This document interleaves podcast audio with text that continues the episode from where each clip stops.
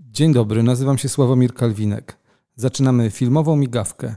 Podcast produkowany w Wytwórni Filmów Oświatowych, realizowany razem z Akademickim Ośrodkiem Inicjatyw Artystycznych w Łodzi i studentami filmoznawstwa Uniwersytetu Łódzkiego. To jest podcast WFO. A dziś wracamy do początku, czyli do tego, jak powstała Wytwórnia Filmów Oświatowych. Będziemy kontynuowali rozmowę z panem Waldemarem Ludwisiakiem, badaczem, filmoznawcą i kontrowersyjną postacią, która wyjaśnia, w jaki sposób zaczęła się i jak e, toczyła się historia filmu w Polsce. To jest podcast WFO. Dzień dobry, Waldku. Dzień dobry, witam Państwa. To może dzisiaj, może dzisiaj porozmawiajmy o tym, kto pisał i jak pisał o, o filmie, o historii filmu dokumentalnego w Polsce. Od tego może warto by było zacząć, zanim zaczniemy mówić już o samej wytwórni filmów oświatowych w Łodzi. Y, tutaj trzeba wrócić do bardzo wczesnych lat, y, ponieważ film y, dokumentalny, w ogóle, w ogóle film powstał z filmu dokumentalnego, wywodzi swój rodowód w ogóle z filmu dokumentalnego.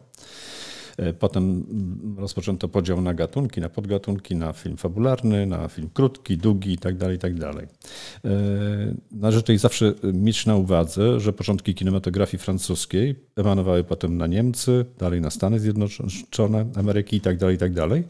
Natomiast Polska była delikatnie mówiąc w czasie opóźniona. Tutaj chodzi przede wszystkim o, o dostęp do środków technicznych rejestrujących y, czy to obraz, czy to dźwięk, y, jak również finanse. Film, kamera, y, aparat projekcyjny były bardzo drogie.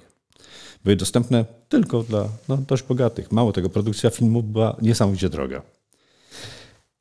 Ale idąc od początku, jedną z najważniejszych instytucji polskich, y, która przed wojną zainicjonowała właściwie y, film dokumentalny, może bardziej to, co mnie interesuje, bo ja będę ograniczał się do przestrzeni filmu oświatowego. I to uzasadnię bardzo, sądzę, dla Państwa dostępny sposób. E, Centralne Biuro Filmowe Polskiej Agencji Telegraficznej e, powstałe w 20 roku przy Ministerstwie Wyznań i Oświecenia Publicznego e, nadzorowało taką instytucję jak Muzeum Przemysłu i Rolnictwa. Tutaj jest bardzo istotne to, co teraz wypowiedziałem, gdyż jest to pierwszy zbiór filmów oświatowych, i wykorzystanie e, filmu jako środka edukacyjnego. Ponieważ e, w okresie 25, właściwie później już 30 i dalej, na Zachodzie, szczególnie w Niemczech, e, we Francji, Anglii, w Stanach Zjednoczonych, po prostu mm, zaczęto wykorzystywać film jako mocne narzędzie edukacyjne i propagandowe. Jest to radykalny rozwój i wtedy zaczęto tworzyć takie instytucje centralne, które kształtują edukację, mające wpływ na edukację e, i film jako ten nośnik wiedzy edukacyjnej. Nie było wtedy telewizji, było radio, ale na radio również miał wpływ ministerstwa, centralne organy państwowe. I tutaj, e, tutaj bardzo ważną rzeczą jest e, wspomnienie o takiej instytucji pod tytułem Instytut Filmowy przy Muzeum Przemysłu i Rolnictwa, która właśnie takie filmy, czy to sprowadzała z Niemiec, czy sama powoli produkowała, ale w tamtym czasie, to jest rok 28, jeszcze nie produkowała. I ponieważ te, to, co opowiedziałem, że się działo na Zachodzie, w Polsce po prostu dość późno, bo to jest 33-34 rok. Po prostu y, tą, tą, tą dziedziną, którą się nazwie w sumie kinofikacją, to jest bardzo ważne słowo, ponieważ ono potem zostanie w historii bardzo mocno zniekształcone. E, kinofikacja na Zachodzie polegało to na tym, szczególnie w tych państwach rozległych, jak Stany Zjednoczone czy Niemcy, żeby wyrównać poziom edukacji, wprowadzono film edukacyjny, który można było rozpowszechnić każdej wsi bez względu na poziom wykształcenia nauczycieli prowadzących lekcje. Czyli jednym słowem wyrównać poziom. E, ta akcja kinofikacji ma bardzo duże znaczenie i polski rząd, szczególnie Ministerstwo Wyznań i Oświecenia e, Publicznego, e, któremu podlega Polska Agencja Telegraficzna, w której ramach jest Wydział Filmowy, ma się właśnie tym zająć. Kinofikacją w Polsce. I y, akcją tą będzie kierował Seweryn Nowicki. To jest rok 35, kiedy Instytut Filmowy zostaje przejęty przez Wydział Filmowy Polskiej Agencji Telegraficznej. A ja tutaj się wtrącę, bo my żeśmy rozmawiali wcześniej i też prowadziliśmy wcześniej tutaj rozmowy, które były nagrywane i prezentowane. Twierdzisz, że wytwórnia filmów oświatowych została stworzona w 1934 roku, co jest e, moim zdaniem no, co najmniej sensacyjną informacją. No tak, to jest bezwzględnie, bo. E, dlaczego? Dlaczego wtedy? E, dlaczego wtedy? To jest właśnie to, o czym mówię, że Instytut Filmowy przy Muzeum Przemysłu i Rolnictwa został przejęty przez Wydział Filmowy Polskiej Agencji Telegraficznej. Ponieważ zasoby, zbiory filmowe, które były tam właśnie tym, przy tym muzeum, one zostały wykorzystane do kinofikacji. To wtedy właśnie rozpoczęto akcję kinofikacji. Jak wielkie znaczenie miała ta akcja kinofikacji, ja Państwu podam, y, ponieważ analizowałem ten projekt, więc proszę sobie wyobrazić, że między y, rokiem 1934 a 1936, czyli 5 lat, y, nie było żadnej prasy filmowej, w której by nie padło stwierdzenie kinofikacja. Jest to bardzo ważna akcja. Akcją tą kierował y, dyrektor Biura Handlowego Polskiej Agencji Telegraficznej, któremu podlegała właśnie y, Instytut Filmowy Polskiej Agencji Telegraficznej, bo taką w przyszłości będzie miał nazwę. Właśnie jemu podlega jako głównemu nadzorcy. Mało tego, w składzie, w składzie y, osobowym tych ludzi, którzy właśnie w ten sposób działają, zastępcą na przykład y, jest y, Star. Nazwisko Państwu może mało tego, dla wytwórni to osoba jest bardzo znacząca. To jest szef produkcji Janusz Star. Y, on był zastępcą przed wojną y, Seweryna Nowickiego. Jak można, mało tego, y, oni organizują przed wojną zbiory i produkcję filmów oświatowych. To wszystko działa.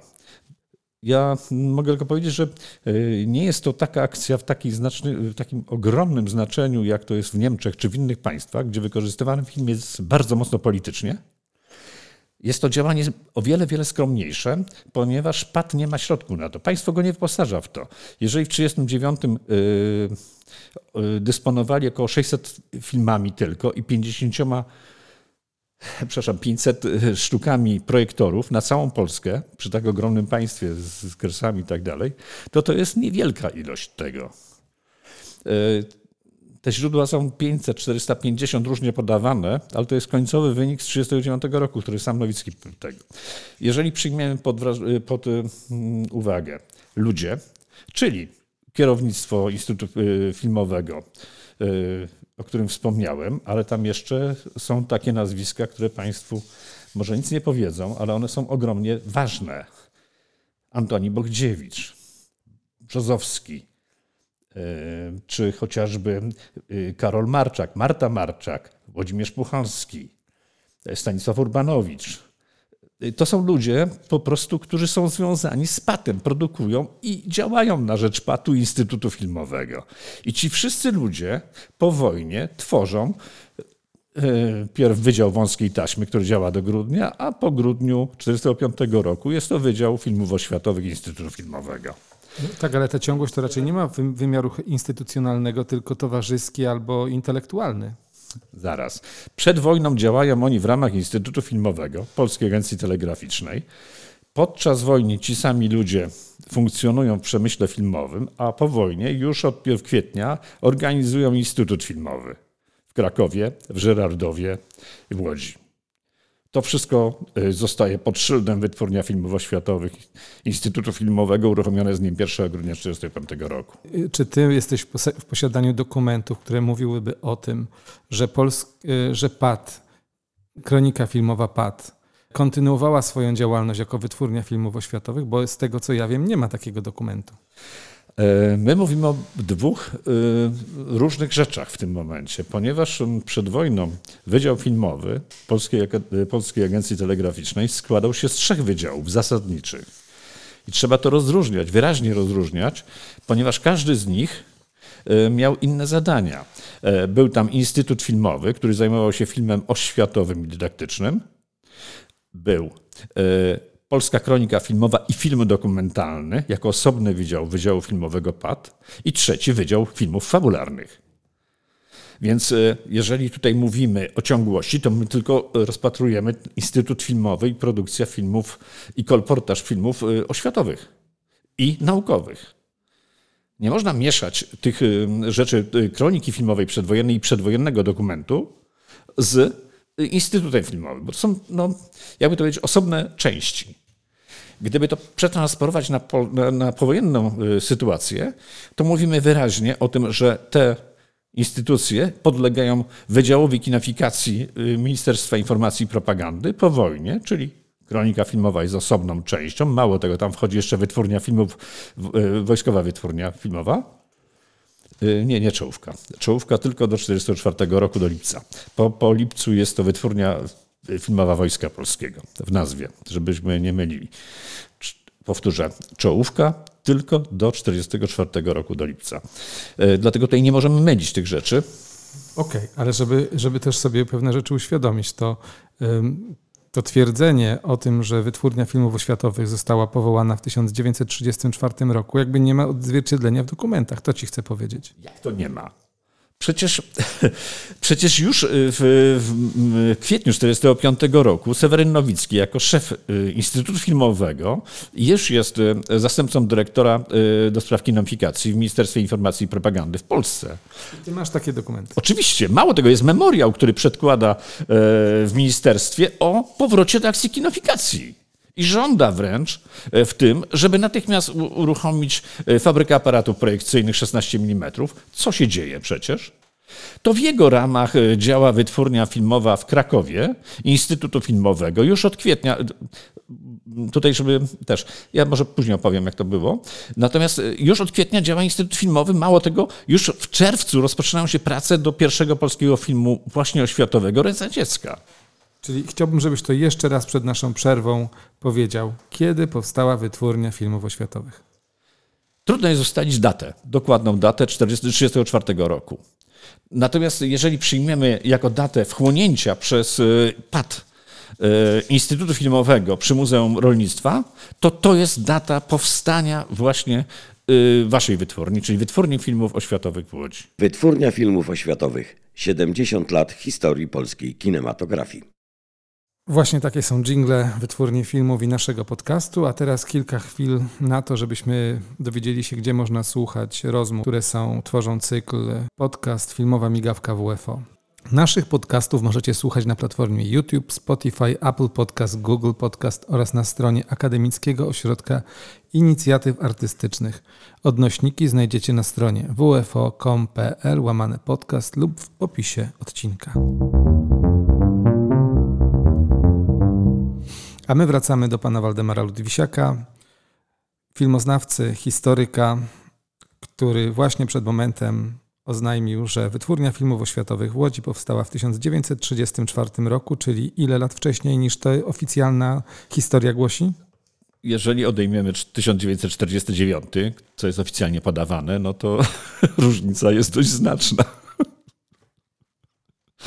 Tutaj mój śmiech jest wyraźny, ponieważ no, y, dokument, na który się większość historyków powołuje, że wytwórnia filmów oświatowych w Łodzi powstała 31 grudnia 1949 roku, jest no, dość zabawną, ponieważ mm, tutaj podważają ci historycy to, że w 1946 roku na przykład e, film Ręce Dziecka otrzymał y, jedną z głównych nagród w festiwalu Cannes. Także no, to, to są takie, mało tego, do 1949 roku y, wytwórnia Wydział Filmowy Instytutu Filmowego wyprodukował ponad 50 filmów własnych, to znaczy takich, które zostały nagradzane na festiwalach filmowych i pod, tą, pod tym szyldem występują. No więc jak można mówić, że coś powstało w 1949 roku, skoro ma tak ogromny dorobek filmowy? Mało tego, bazuje, jak sam Nowicki mówi w 30, y, y, już w marcu 1945 roku, że dysponuje 600 filmami, które przechował podczas wojny. I co ciekawego, e, te pierwsze filmy były tutaj w Łodzi pokazywane już w grudniu 1945 roku w czterech szkołach i zarabiały na siebie.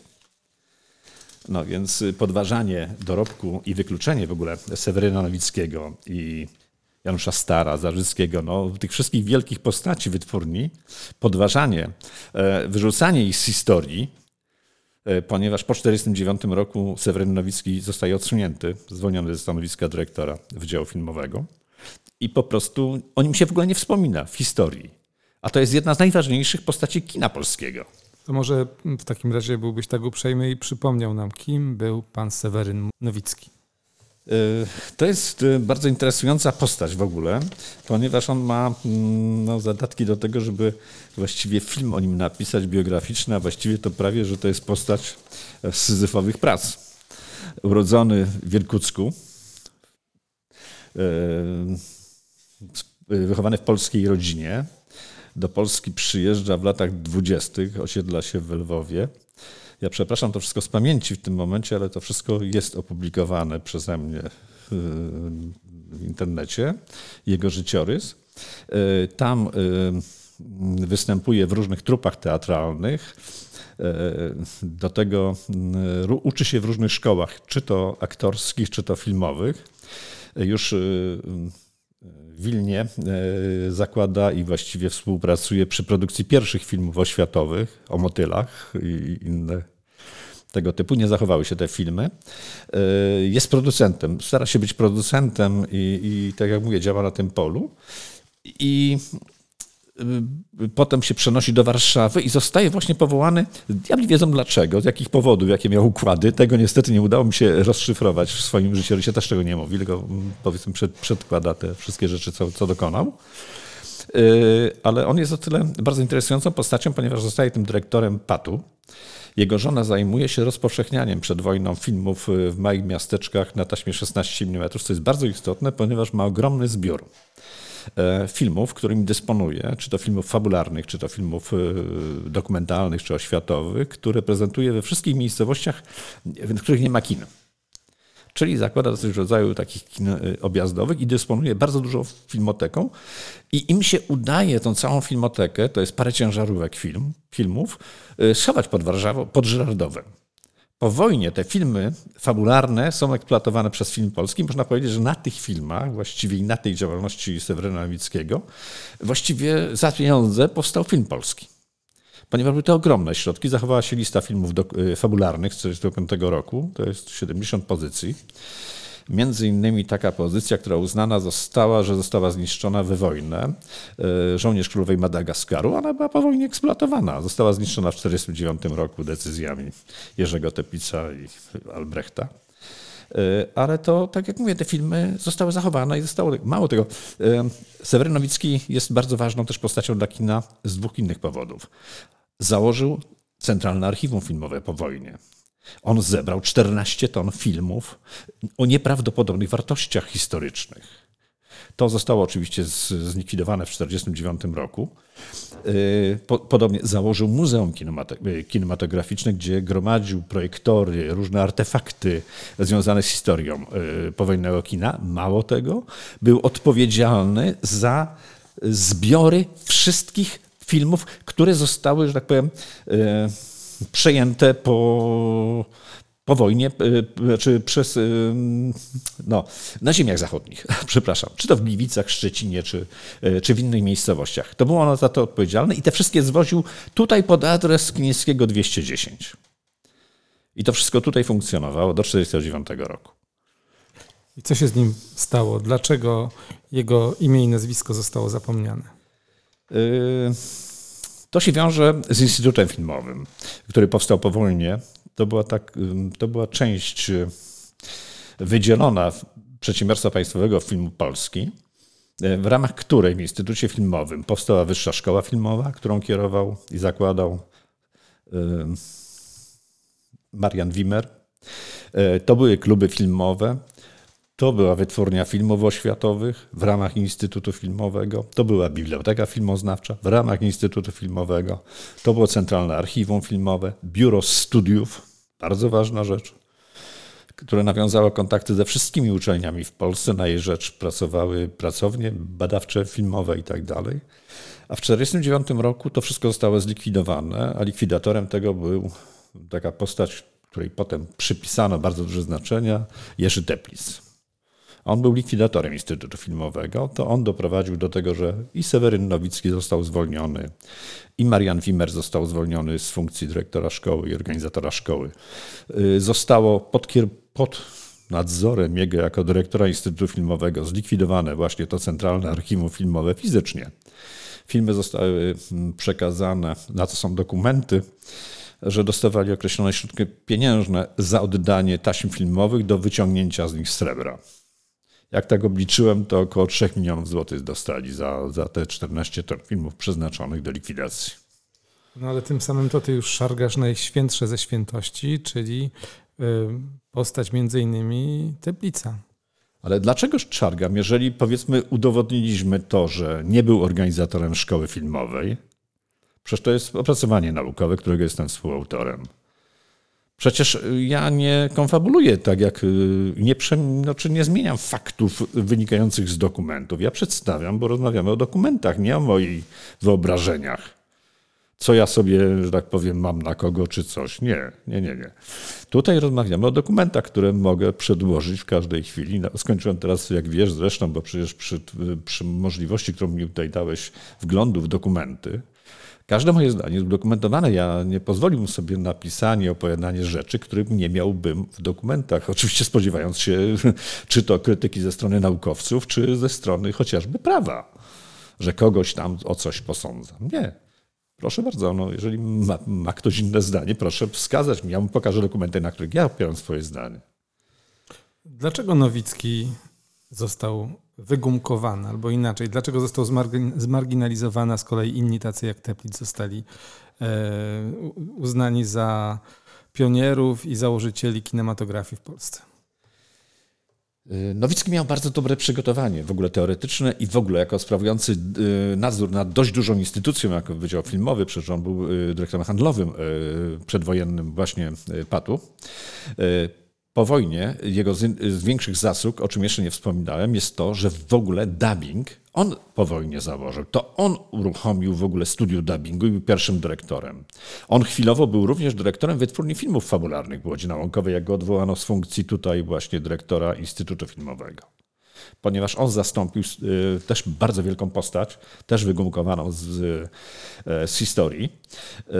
Y, mówię o panu Zarębie E, prywatnie mężu Szelbruk-Zarębiny, Józefie Zarębie, e, to jest e, podczas wojny minister kultury i sztuki rządu londyńskiego na kraj. To on był dyrektorem Instytutu Filmowego. Tych postaci jest o wiele, wiele więcej. To nie jest tylko te.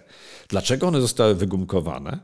To jest między innymi również zasługa Teplica, ponieważ e, wszystkie prace i cała kontrola nad historią kina polskiego właściwie przechodziła przez jego ręce. On był promotorem wszystkich właśnie tych nazwisk, którzy potem po wojnie tego, to on był ich prac doktorskich i rozprac naukowych był promotorem.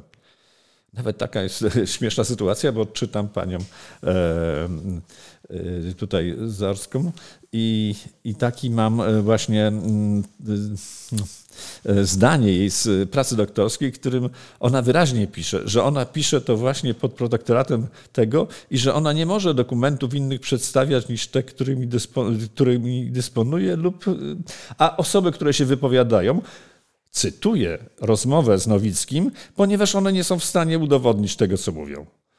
No więc Dzisiaj oczywiście ja dysponuję archiwum Nowickiego i innymi źródłami i mogę wskazać te rzeczy, których ona nie może mówić, ale ona to pisze wręcz w swojej pracy. No to tak to mniej więcej wygląda. Dlaczego? Poza tym y, w tej przestrzeni po 50 roku on niestety y, jako ten przedwojenny wysoki urzędnik państwowy no, był odsunięty i tutaj jego, jego zdania. Mało tego, e, tutaj jest taka rzecz, że z chwilą, gdy Jerzy Teplic w 1958 roku objął znowuż e, funkcję rektora szkoły, natychmiast zwolnił Nowickiego. Czyli drugi raz, tak jak mówię, pierwszy raz go zwolnił, jak tylko objął, przeszedł tu na Kinińskiego, objął Instytut Filmowy, natychmiast zwolnił go, trwało to dwa tygodnie. No i natychmiast jak e, został znowuż rektorem, bo Pamiętajmy, że został powołany na dyrektora szkoły, Wyższej Szkoły Filmowej 1 stycznia 1949 roku i uciekł ze szkoły w 1951 po nieopublikowanym jeszcze raporcie NIK o jego działalności, po prostu wcześniej złożył rezygnację i uciekł z Łodzi. Natomiast później na fali po wejściu Gomułki do władzy i tak dalej przyszedł ze świeżą krwią i właśnie też pousuwał tych ważnych osoby z przestrzeni właśnie szkoły filmowej. Czy wyobrażasz sobie sytuację, w której uznani naukowcy stwierdzą, że twoje odkrycia, że to jest uznana prawda. Wyobrażasz sobie taki dzień? Y, sądzę, że jak przeczytają moje opracowania na 100% od ręki to, to zrobią, ponieważ tak jak mówię, ja, y, każde zdanie moje jest udokumentowane dokumentami. E, dlatego nie sądzę, żeby mogli. Ja no nie ukrywam, że żeby pisać pracę, muszę znać ich, e, tych właśnie, tych wielkich autorytetów, żyjących, nieżyjących, którzy wypowiadają się na ten temat.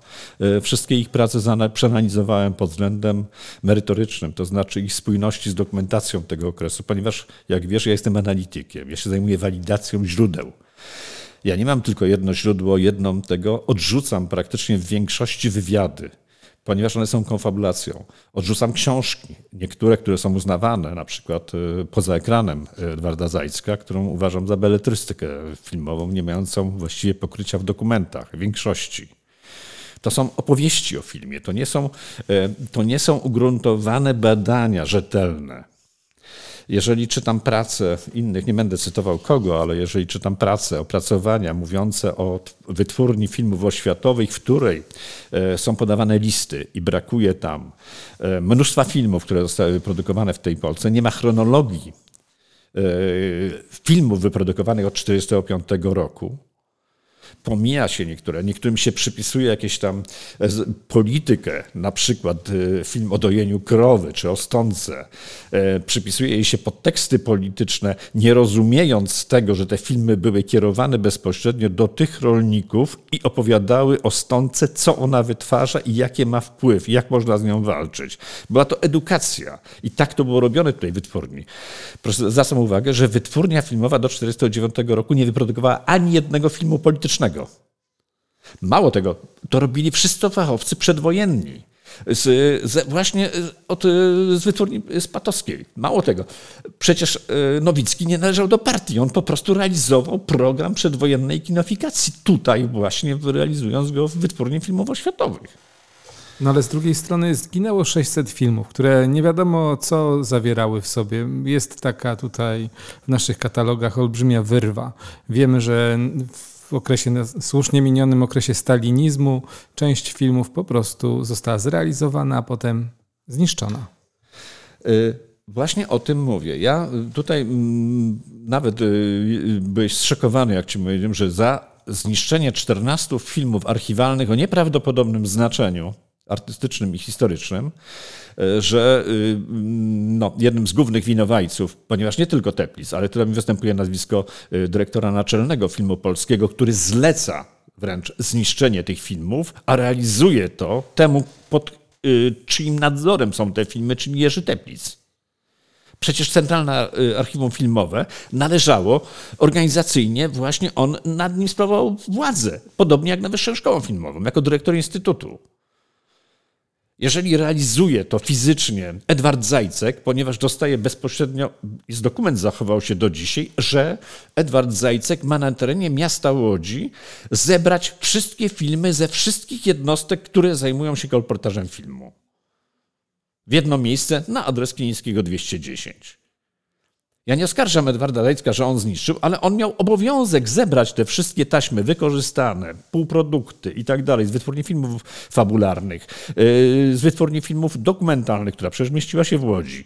Jeżeli on miał te wszystkie ścińki skumulować w jednym miejscu, jest następny dokument, który mówi o tym, że zostaje zawarte porozumienie między filmem polskim a zakładem utylizacji w celu odzyskania srebra i że każdy film w Polsce musi być po prostu przez to biuro znaczy pośrednictwa skatalogowane i wysłane tam w celu odzyskania srebra, no to, no to ja nie mam innych tych. Y, potem jest taka sytuacja, że w lipcu jest, ukazuje się artykuł w filmie, w którym Teplic tłumaczy się, dlaczego zniszczył te 14 ton filmów. Pisze wyraźnie, one nie miały żadnej wartości. No, według dokumentów coś co innego. Proszę zwrócić uwagę, że pokazałem ostatnio e, tobie e, takie no, nazwisko, które też zostało wymazane z kart historii, który założył y, no, fonotekę tutaj. Gogolewski, prawda? E, a ten człowiek w 1945 roku stworzył katalogi i pracował tylko i wyłącznie nad opracowaniem tych filmów, które zostały tutaj zwiezione na Chińskiego 210. I te katalogi się do dzisiaj zachowały, te listy filmów, które były. Nie można powiedzieć, że, że to są jakieś inne. Mało tego, są również źródła o tym, że wielu artystów przekazało w okresie do 1949 roku swoje zbiory. Mar, Malcze, znaczy jest y, y, małżeństwo mm, bardzo znane, bardzo zasłużone dla y, Marczaków.